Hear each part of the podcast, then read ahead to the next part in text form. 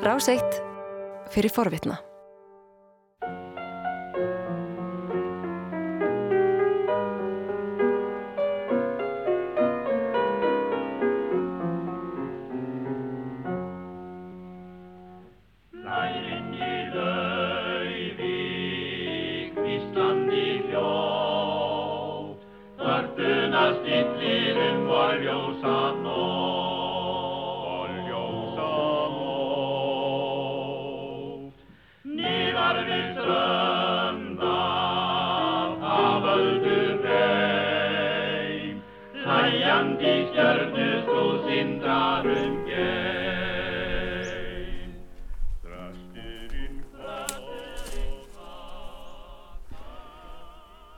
Ég er stattur í skógi, í Eðmörk nánast tiltekið.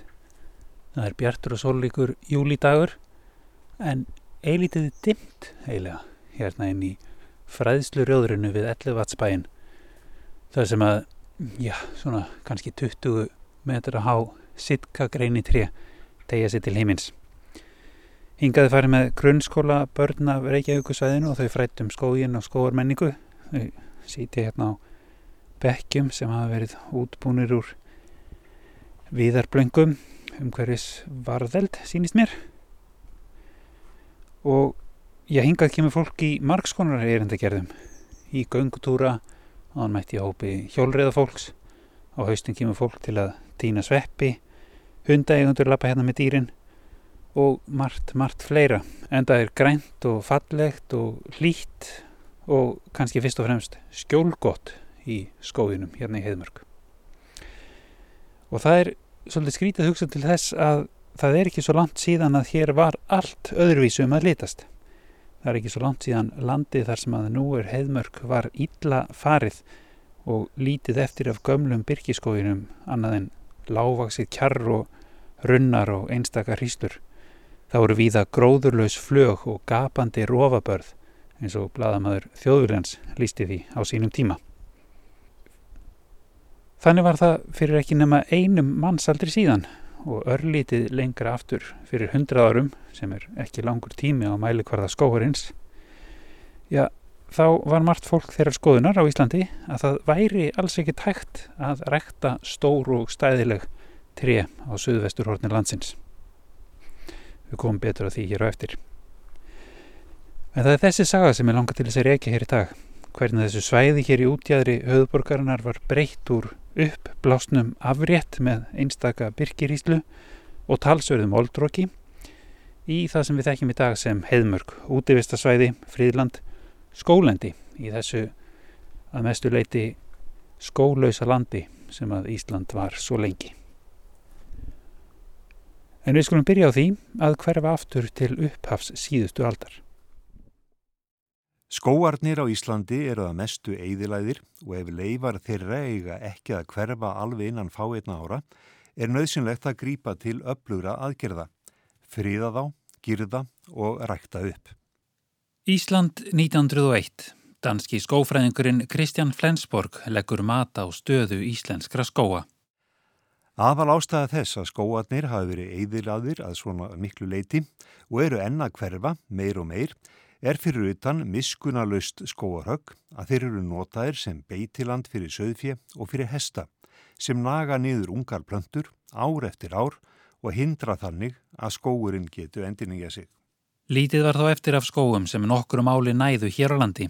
Gróðurof og sandfók eittu breyðum byggðum. Sofðu unga ástinn mín hvæði Jóhans Sigurjónssonar, það er mitt frá þessum tíma.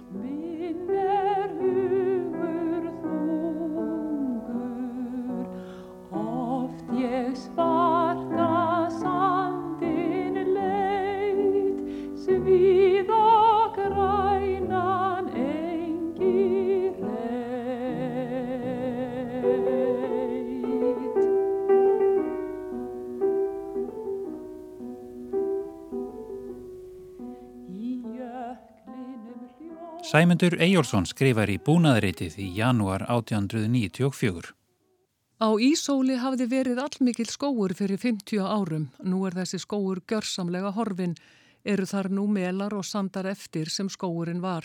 Smiðjuskóur nefnist enn allmikið svæði fyrir ofan byggðalla í Bárðardal.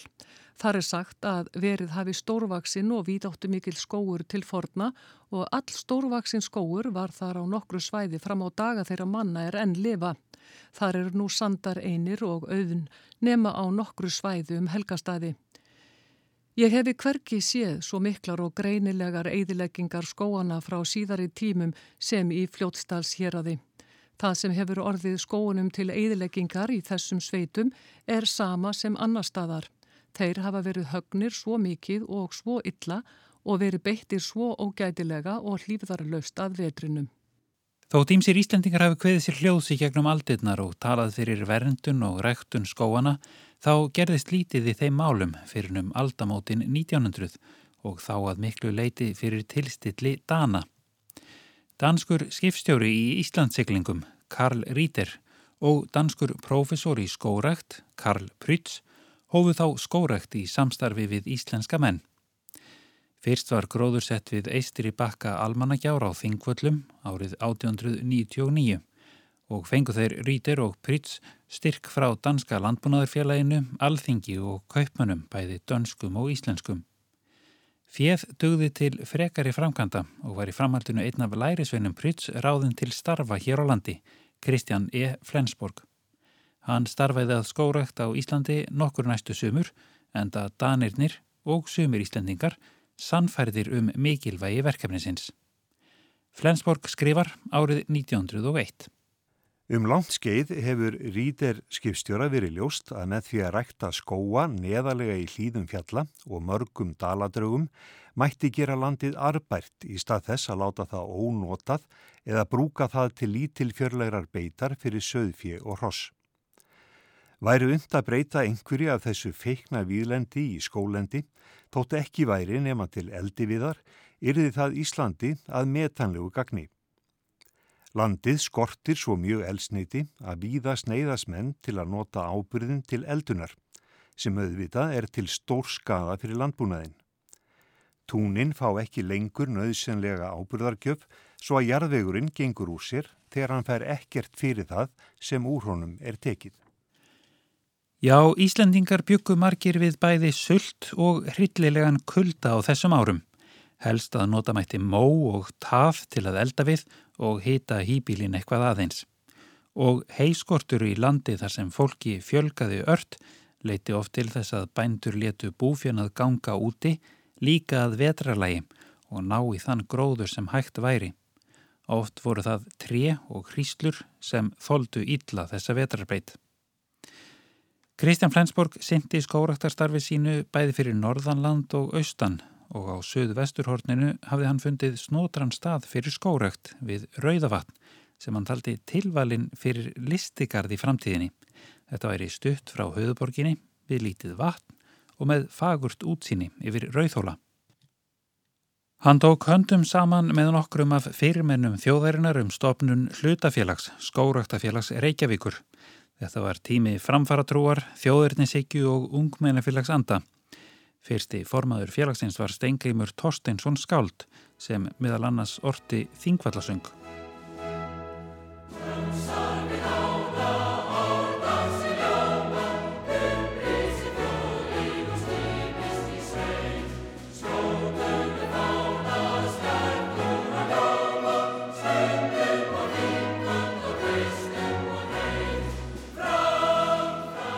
Sumari 1902 voru hlutavarornir 80 talsins og fjeð næjanlegt til að kaupa svo litla spildu við rauðavatn og girða af fyrir búsmala. Sumarið eftir voru gróður sett um 8000 reynitri og nokkur hundruð lindifurur, fjallafurur og kvítgreini. Plöntunar hafi Flensborg tekið með sér þegar hann kom til Íslands frá Danmörku um vorið. Þá var lúpínu sáð á svæðinu í tilraunaskinni. Innan skóraþargerðingarinnar kom Flensborg einnig upp græðireit til að rækta upp trjáplöntur. Á þessum árum vissum en lítið um hvaða trjátegundir gætu þrifist á Íslandi, aðrar en innlendartegundir, byrki og greinitri. Þá var mikill hörgull á frægi og trjáplöntum. Það var því þeimun mikilvægra að vernda þær skóarleifar sem eftir voru hér á landi, svo hægt væri að fá fræ og rækta upp ungviði. En auk þess voru plöntur og fræ flutt inn frá Danmörku eða Noregi þó árangurinn að því væri reyndar nokkuð misjafn. Sjófæriðin reyndist trjáplöntum oft erfið og aðstæðunar á íslenskum mel, svo litið aðrar en á æskuslóðunum í Danmörku og Noregi.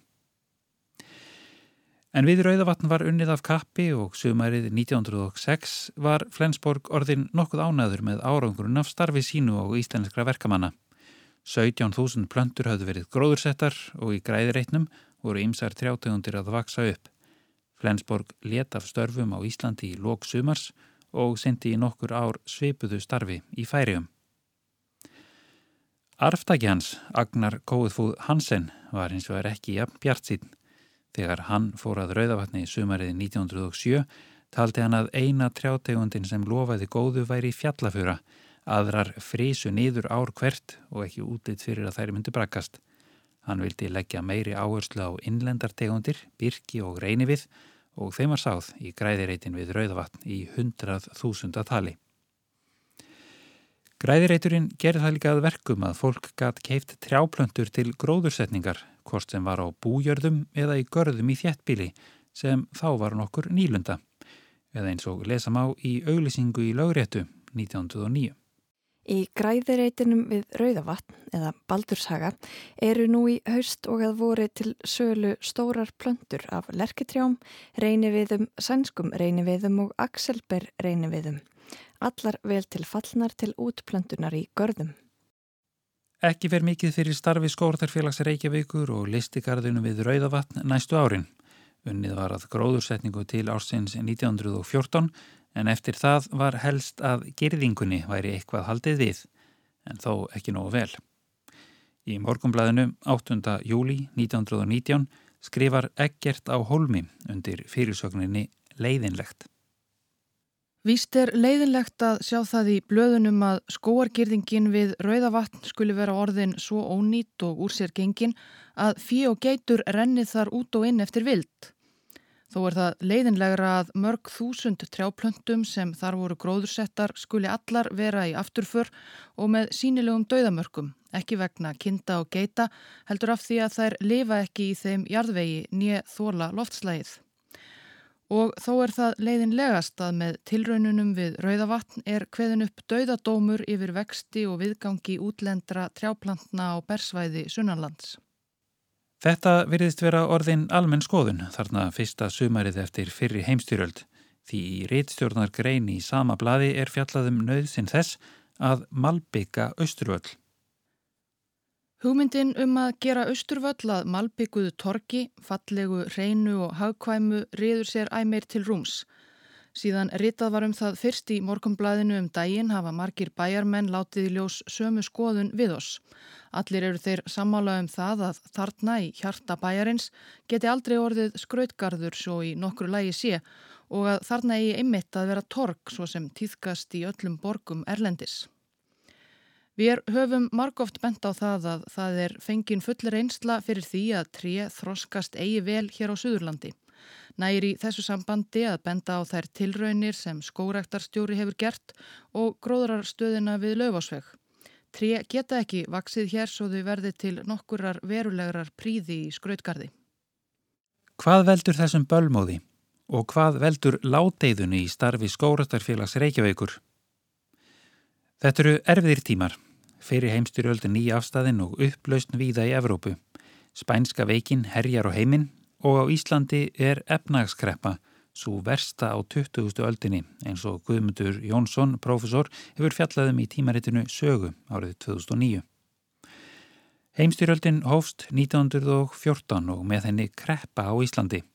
Landsframleysland dróst saman um nær 18% á árunum 1915 til 18.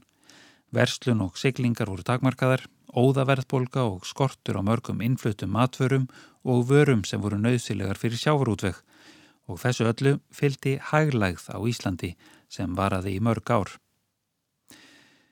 Borgarbúar voru þó ekki sáttir við hyrðuleysið við Rauðavatn og kvörtuðu, morgunblæðið 1918. Skórektarfélag Reykjavíkur eða stjórn þess vildi ég meg að minna á það að gera þar við girðinguna um skóreitin við Rauðavatn. Hún er í því ástandi að fjenaður gengur þar inn og út. hafa piltar mínir í vor oft rekið úr henni fér reikvikinga og eitt sinn geitahóp frá elliðavatni en sá fjenaður er óhollur vinur skóarnigræðings. Það mun sönnu næst að daglega sé þar inni slíkur fjenaður og getur það nekt vexti trjáplantana en lítið verk að laga girðinguna, láti það ekki fyrir farast. Að þér lesa má blöðum frá þessum tíma langaði fólk nefnilega til að vel gengi og það verðist að verið nokkur þörf fyrir einhvers konar samkómustad í náttúrunni næri höfustadinum.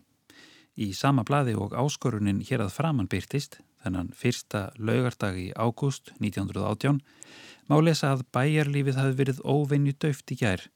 Það var frítagur verslunarmanna, forveri verslunarmannahelgarinnar. Bæjarlífið var óvenju döft í gær, allum búðum lokað og skrifstofum og flestum vinnustofum og unga fólkið allt farið upp í vatnaskó eða þá í aðra ráttir, skemmtiferðir upp í Mósfellsveit og svo framvegis. Hyggilega hefði verið að mörgu leiti ef verslunar menn hefðu látið skemmtunina fara fram einhver staðar nær Reykjavík. Skemmtunin getur aldrei orðið almenn með því að hún fari fram upp í borgarfyrði. Fólk langaði út úr bænum, en hvert? Í vatnaskói var jú skóur og skjól, en nokkuð ferðalagþangað og einhverjar tilunir voru gerðar til skemmtiferða upp að rauðavatni og rauðhólum.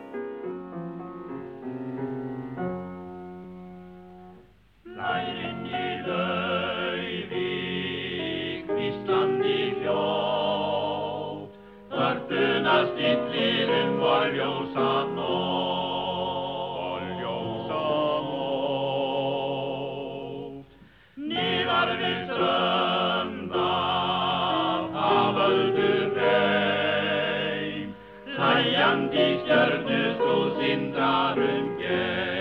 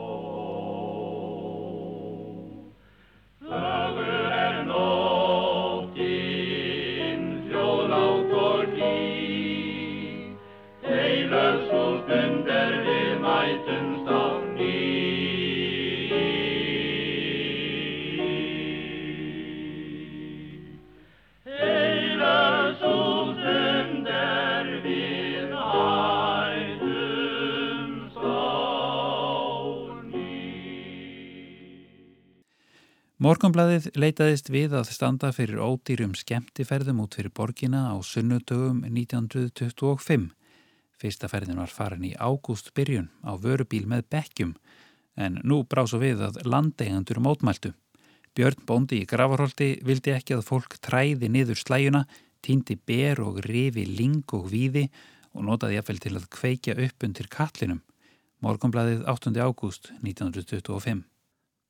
Borgarfólkið fer út úr borginni til að komast á gras litla stund. Það veldir sér í brekkunum, skilur þar eftir flöskubrót, dósarusl, brefadrasl og ímsan óþverra, börn og sumir fullordnir, rífa ling og víðir, týna berin og stundum er kveikt upp undir kallinum við ling og víðirkvisti.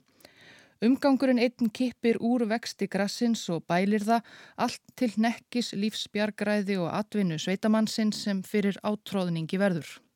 Björn sagði að Jörð sín væri þegar nógu sárt leikin síðustu ár af átróðningi útreða fólks frá Reykjavík og ferðamönnum. Reykjavíkubær verður að sjá fólki sínu fyrir sunnudaga dvalarstað utan bæjar svo það eigi freistist til að gera einstökum mönnum átróðning og skada og þar með baka sjálfu sér óþokka og vansæmt. Það er síðleysingaháttur að tróða lönd einstakra manna leifislaust án nöðsinjar. Annar landegandi, Emil Rókstad, sem átti elliðavatsjörðina, hafði bannað umferðum landareik sína en fólk mæti svo sem fara í rauðhóla og dvelja þar gegn gjaldi. Aftunum áti hafði fólk fengið leifi borgarstjóra til að vera í skóraktargirðingunni við rauðavatn en með því skilirið að fólk skemmti ekki trjáplöntur eða linggróður innan girðingarinnar. Vitanlega er þetta allt saman einskorðaðra og staðbundnara en við höfum vænst, en við því verður ekkert gert í þetta sinn. Vonandi tekst fljótlega að koma á ferðum á einhverja aðra vistlegri staði hér í nákrenninu þar sem umferð þáttakanda verður ekki heft eins og hér. Skrifa forsvarsmenn Morgonbladsins. Nokkru síðar er sagt frá ferð barna úr vorskóla Ísaks Jónssonar að Rauðavatni og í Rauðhólum skamt frá fekk fulltrúaráð verkefliðsfélagana í Reykjavík landskika þar sem útivistar staður alþýðunar var výður árið 1934. Sumarliði Íslefsson sakfræðingur rekur þetta í bóksinni Saga ASI og lýsir vonum um einhvers konar greiðastað fyrir alþýðu fólk sem nýlega hefur orðið að yfirgefa sveitina sína og saknar gróandans og ángurs blóma. Í Rauðhólum var komið upp ringleikahúsi á botni eins gíksins og veitingaskála og sóttu þangað þúsundir þegar mest var. Hætt var að nota staðin fljótlega eftir síðari heimstyrjöld en eftir það var þar rekið sumartvalarheimili fyrir börn alþýðu fólks á vegum kvennfélaga og verkakvennafélaga í Reykjavík. Slík sumartvalarheimili og yfir höfuð einhver sæmilegur útivistastadur, náttúra, samkominnstadur hefur verið kærkominn fyrir borgarbúa á þessum tíma. Á fyrstu áratugum 20. aldar varð gríðarleg fólksfjölgun í Reykjavík. Íbúafjöldin tvöfaldadist á 10 til 20 ára fresti allan fyrri helming 20. aldar. Fólk bjó oft þröngt, jáfnvel þannig að tvær fjölskyldur byggju saman í einu herbergi. Auk þess var húsnaði oft lélegt og óheilsusamlegt, líka eftir síðari heimstyrjöld. Fólk bjó í bröggum, köldum kjöllurum, skúrum eða jáfnvel þegar ástandið var verst í kartöfluhúsum í kringlumýrinni eins og Egert Þór Bernhardsson sagfræðingur hefur fjallað um.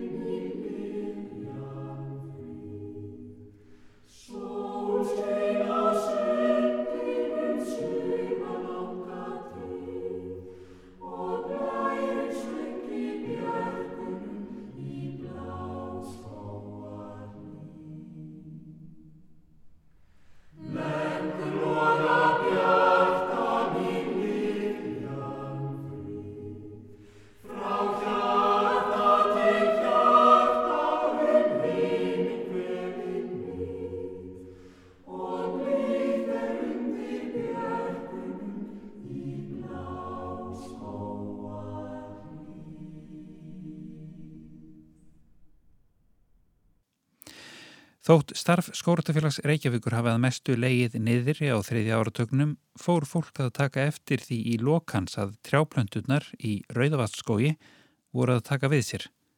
Árið 1929 skrifar maður, líklega er það Sigurður Sigursson búnaðarmálastjóri, í vísi um Rauðavatstöðina og trjáplönturnar.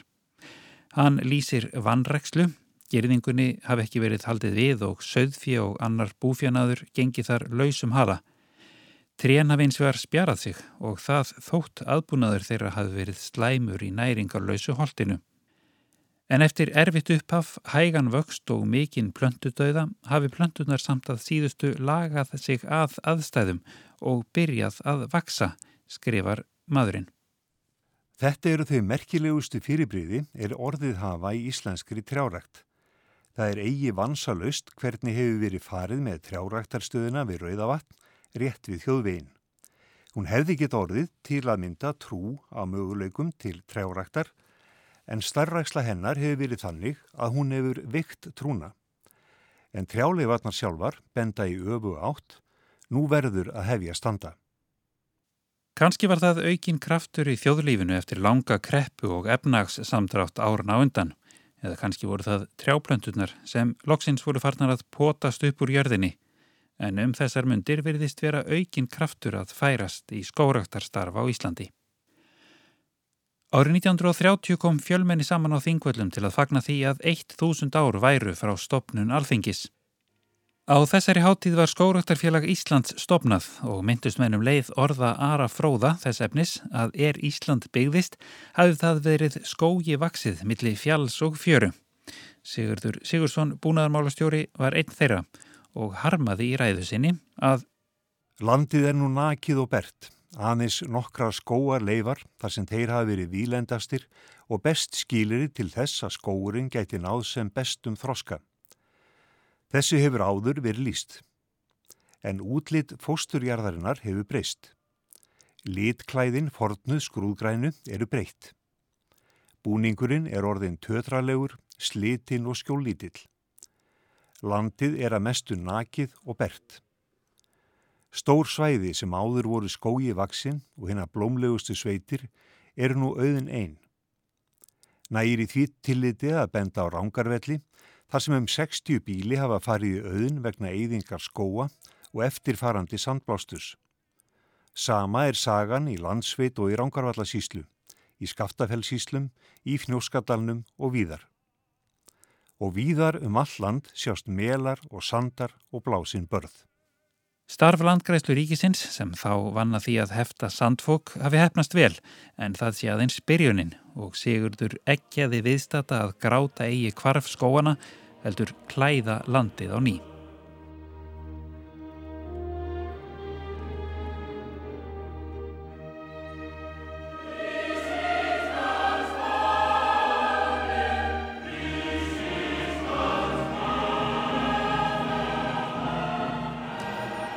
Eða nýstofnaða skóraktarfélag Íslands tók nú við skóraktarstarfinu og gróðurarstöðinni við Rauðavatn og frá Reykjavíkur borg fekk félagið land í Fossfogi þar sem komið var upp gróðurarstöð fyrir trjáplöndur. Skortur á þeim var ein helsta hindrunin fyrir skórakt á Íslandi. Þá syndi félagið gróðursetningu víða í nákvæmni höfuborgarsvæðisins, gaf út tímaritt um skórakt, beitti sér fyrir friðun bæjarstæðarskóar og var landsamband skóratarfélaga sem farið var að stopna til að mynda skóratarfélag Eifirðinga og skóratarfélag Vestmanneja. Loks beitti félagið sér fyrir því að skóar kjarfið elliða vatn eða friðað og þar komið á fót einskonar þjóðgarði fyrir höfuðstaðin eins og það var orðað í tímanum 1940. Fyrstu tilhugurnar um að friða landið þar sem heiðmörkar nú voru settar fram í skóraktarritinu 1936 af Hákonni Bjarnasinni skóraktarstjóra. Hann hafði árið áður farið með einari G.E. Sæmundsen sem síðar varð fyrsti framkvæmdastjóri skóraktarfélags Reykjavíkur í ferð á hestum upp fyrir elliðavatn til að kynna sér kjarleifarnar þar. Hákon lýsir svæðinu svo. Þarna er töluvert af kjarri en ekki er það mjög hávaksið Sumstaðar var það þó mannhæð og mjög þétt. Að því er séðverður hefur skórin tekið allmiklum framförum á síðustu árum og mun það aðalega vera því að þakka að fjárbeitt hefur mikið lagst niður á næstu bæjum. Kjarrið er mjög að breyðast út um hraunið sem liggur fyrir austan brekkurnar og er aðeins tímaspurning hvenar það verður mest allt skói vaksið. Dag þann er ég varðarna var skórin nýsprungin út, ljóskræðn á lit en sólinn heldi ylgeislum vorsins yfir landið. Var einkennilega fagurt um að litast þarna efra.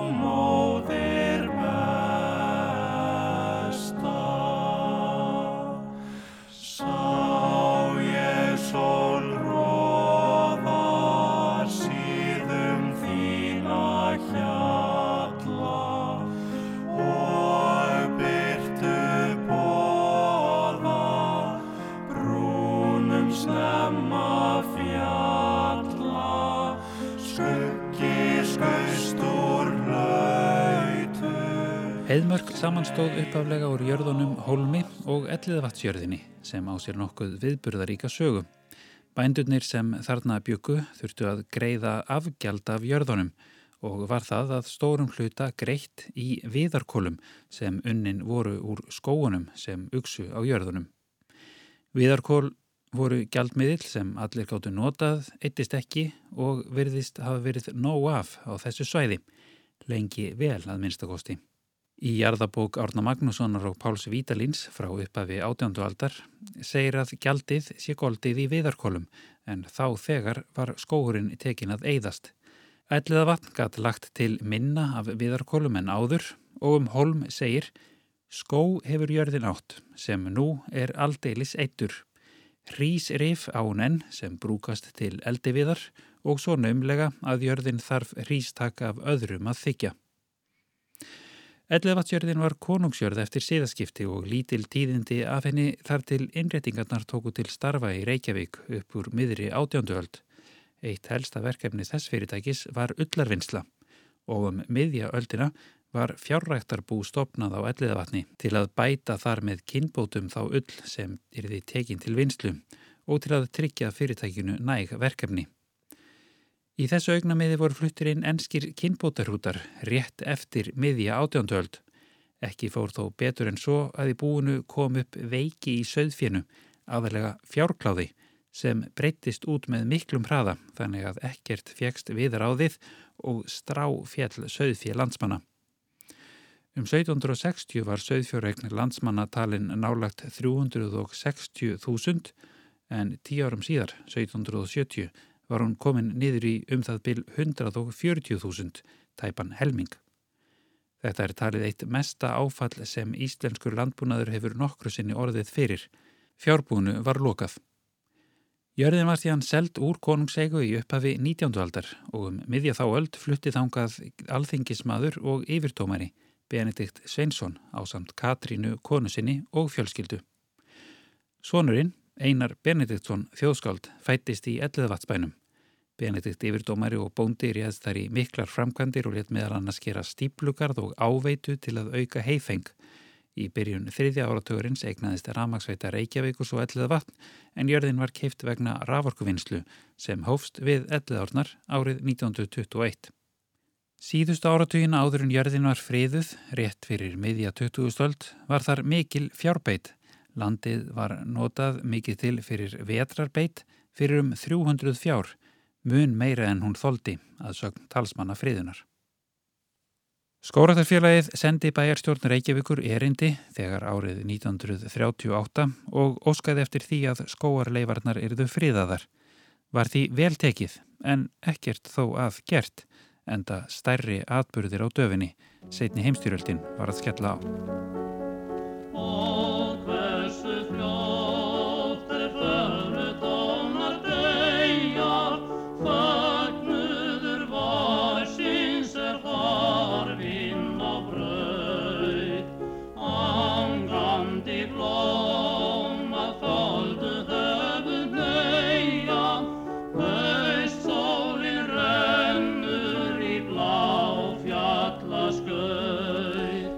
Skóratamenn lögðu þó ekki hendur í skaut. Vorið 1941 var gengist fyrir kvöldvöku í ríkisútvarpinu þar sem fjallað var um hugmyndina um stopnun friðlands við elliðavatn. Um svipaði leiti let Skóratærfélag Íslands prenta bækling undir tillinum Friðland Reykvíkinga ofan elliðavatns þar sem byrt var bref félagsins til bæjarstjórnar og ávarp til Reykvíkinga um þetta mikilvæga mál, Friðland og skemmtistað bæjarbúum til andlegar og líkamlegar hressingar. Bæklingurinn kom út á sumardaginn fyrsta en á útvarpskvöldinu skömmu áður hafði Sigurður Nordal profesor haldið erindi og lagt til nafn fyrir væntanlegt friðland, Heiðmörk, heið Bjarta skólendi. Þetta nafn hlaut strax almennt samþyggi og þótti svo gott að það var þrygt með rauðu bleki efst á forsýðu bæklingana sem þegar höfðu verið prentaðir áður en þeim var dreift til almennings. Til að þrýsta enn frekar á yfirvöld var gengist fyrir fjársöpnun meðal bæjarbúa til að kaupa mætti girðingarefni, girða svæðið af fyrir söðfí og öðrum búfjanaði og hefjast handa við skóraktina. Í miðju stríðinu var auðvitað erfitt um aðföng og girðingarefnið því keift smám saman og líðveldis árið 1944 var bæjar yfirvöldum afhend girðingarefnið. Friðun svæðisins tafðist þó enn í einn þrjú ár til 1947. Eftir það var svæðið girt sem var ekki lítið verk. Uppháflega girðingin var einir 18 kílometrar á lengt og svo var svæðið smalað og hliðum lokað í desember 1948. Það land þar sem heiðmörkari nú var þá ítla farið, líkt og gróðurlendi víða á Íslandi. Þótt fyrir áaldum hafi þar verið mikill byrkiskóur, hafi hann verið höggvinn til kólagerðar og búfjanaði engum sögkindum verið beitt á skógin. Byrkiskórin hafi látið mjög á sjá, en þó voru þarna einu skóarleifarnar sem eitthvað hvað að í nákrenni höfuborgarinnar. Pál Líndal, sakfræðingur, starfaði fyrir Reykjavíkurborg þegar verið var að friða heiðmörk og hefja skórakt þar. Hann segir svo frá í árbók ferðarfélagsins 1985. Þegar landsvarnar starfið var að hefjast í heiðmörk var þar víða ófagurt um að litast. Blöstu víða við ógeðfelt moldarbörð, blómplöntur voru fáar, móar nagaðir niður í rót og auk þess uppblásnir, byrkið stíft og aflagað vegna ágangs söðfjár. Og í þjóðviljanum var ástandinu líst svona nokkrum árum eftir að heiðmörk var friðuð. Um aldaraðir hefur þetta land verið þraut beitt, skóurinn auk þess rifin og högvin en það var svo komið fyrir tíu árum, árið 1948, að þar fyrirfannst ekki byrkitrí, er gæti búrið slikt nafn. Ekkert var þar nema lávaksið kjarr og runnar, sumstaðar aðeins teinungar í grasi. Árin áður en heiðmörk var friðuð hafðu söðfjáraugundur leikt hluta elliðavatsjarðarinnar og ríflega 300 fjár lifað þar á útigangi. Einar G. Sæmundsen, framkvæmdastjóri skóratarfélags Reykjavíkur, listi því svo árið 1941 að elliðavatseiðin hafi verið orðin stór skemmt af uppblæstri í kvasviðri standi moldarstrókarnir úr öllum börðum og rófum. Sónur Einars, Ólafur, var barnað aldri þegar Heiðmörk var friðuð árið 1950 og átti eftir að starfa í Heiðmörk um áratuga skeið. Sko, þetta alltaf var að blása hérna allt saman meira minna í, í burtu á, á tímabili og það, já, já, þó, þó að þetta væri búið að vera fríða hérna í mörg ára þá voru rófabörn hérna alveg fram eftir öllu sko og blés úr þeim Já, alveg svona, í, eh, hvað er maður að segja, svona alveg framundu 70 sem þetta var, svona, sem maður sá alveg þessi rófabörð, sko. En svo voru það náttúrulega að fara að falla og, og náttúrulega þá var komin líka meiri gróðu, sko, þannig að þá var þetta að fara að grófa alls saman, sko. Eftir að svæðið hafði verið friðað og gyrt af, gerðu skóratarfélag Reykjavíkur og bæjarstjórnur Reykjavíkur með sér samning um friðun og rektun heiðmörkur. Þar var meðal annars hveð áum að heiðmörk skuli opin öllum almenningi og öllum frjálstað dvelja þar gegn því að þeir hlíti þeim reglum sem settar verða um umgengni og umferð. 25. júni 1950 var heiðmörk svo vigð. Morgumbladið sagði svo frá aðtöfninni. Heiðmörk friðiland Reykjavíkinga var vikt á sunnudagin í einu fegursta veðri sem komið hefur hér í sumar. Mikill mannfjöldi var við Víksluháttíðina og giskað á að þar hafi verið saman komin 2500 til 3000 manns. Vegna hinnar gífurlegu umferðar á veginum um heiðmörk var háttíðin sett klukkan 3.30 í stað 3. Var þá mikill fjöldi fólks saman komin á háttíðarsvæðinu sem var í landi skórektarfélags Reykjavíkur í fallegum lundi. Nokkrar fánastengur voru en að norðanverðu við svæðið var ræðustóll skrítur Birkilöfi en í honum töluðu ræðumenn við háttíðina. Glampandi sólskinn var og hægur norðan andvari þó hér í Reykjavík væri all kvast. Doktor Páll Ísólfsson kom með þjóðkórin en áður en byrjað var að syngja flutti Páll stuttan skemmtilegan prólókus og hvati alla til að taka vel undir. Var nú sungið Ég vil elska mitt land og tóku margir undir. Stækkaði þjóðkórin með hverju lægi er sungið var, uns svo mikill var að söngurinn að hann heyrðist niður að jæðri, samkomist að templara.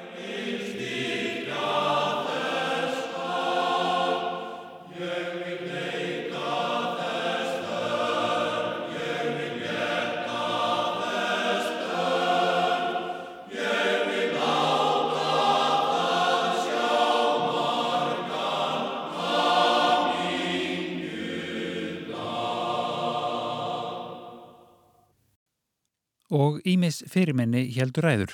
Hákon Bjarnason, skóraktarstjóri, sæði gott til þess að vita að reykvíkingar geti sótt sér góða viðu í heiðmörk eftir 100 til 200 ár og leti ljósi þrjár óskir til handa heiðmörk.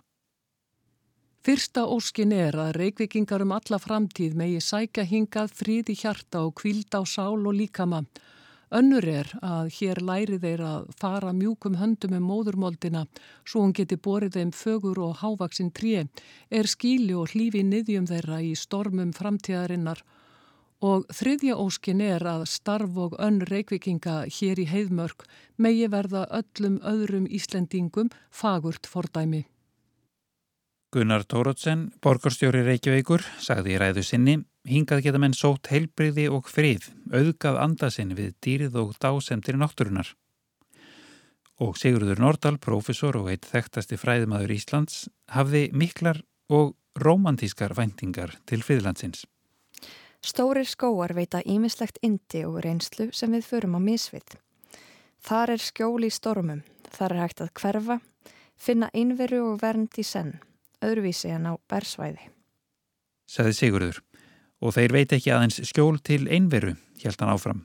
Heldur líka skjól sem gatt verið sérlega mikilvægt ungu fólki, engum þegar húsnæðisþröng var svo mikil sem hún var þarna á árunum eftir stríð. Ég spurði einu sinni norskan mann sem farið hafði um sléttur Suðurlands hvernig honum litist á landið. Jú, þetta er gott land en ósköp held ég að sé erfitt þar að eiga heima. Hvað er að? Ég var alltaf að hugsa um það hvernig ungt fólk færi að því að trúlofast að þessu sléttlendi, þar sem engin skóur er og næturnar þar að þau ekki svona bjartar, einmitt af vorin þegar æskan en neyðust til ásta. Getur það ekki hlýjað ykkur sem komið hingað til þess að setja neður trjáplöntur, dálitið um hjartarætur, að hugsa til þess að síðar meir eigi þessi reytir eftir að skíla ungum elskendum fyrir forveitnum augum og nærgöngulli aðtugun umhverfisins og leifa þeim að finna friðland í langdeginu sem ekki er kostur á í Reykjavík.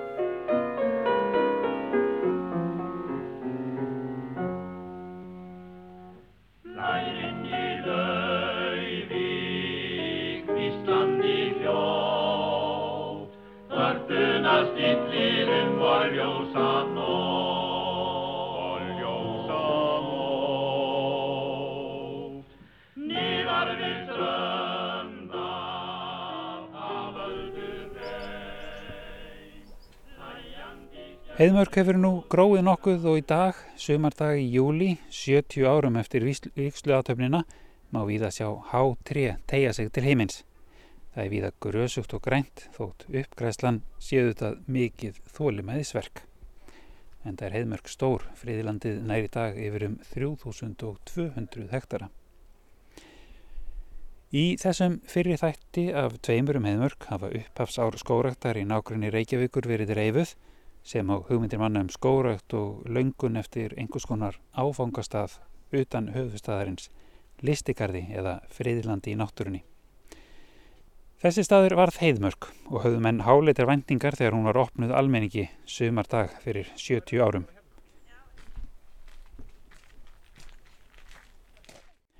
Breyta átti þessum illa farna afrétti með sínu byrkikjarri og moldróki í skjólgott útivistarsvæði og skólendi.